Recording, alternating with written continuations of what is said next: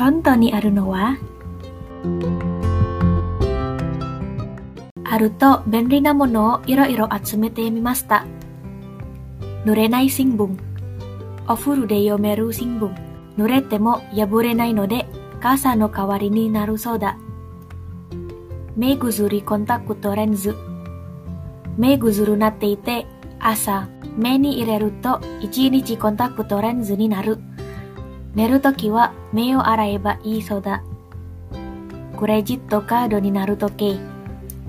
PK に時計を見せればお金が払える。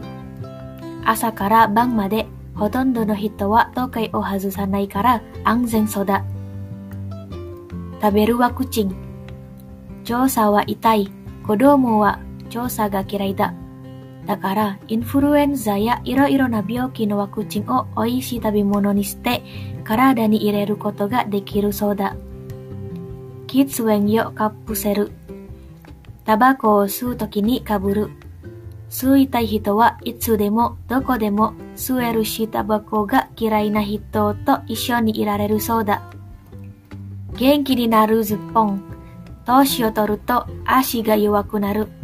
このズボンを履くと足が強くなって歩けるようになるそうだ。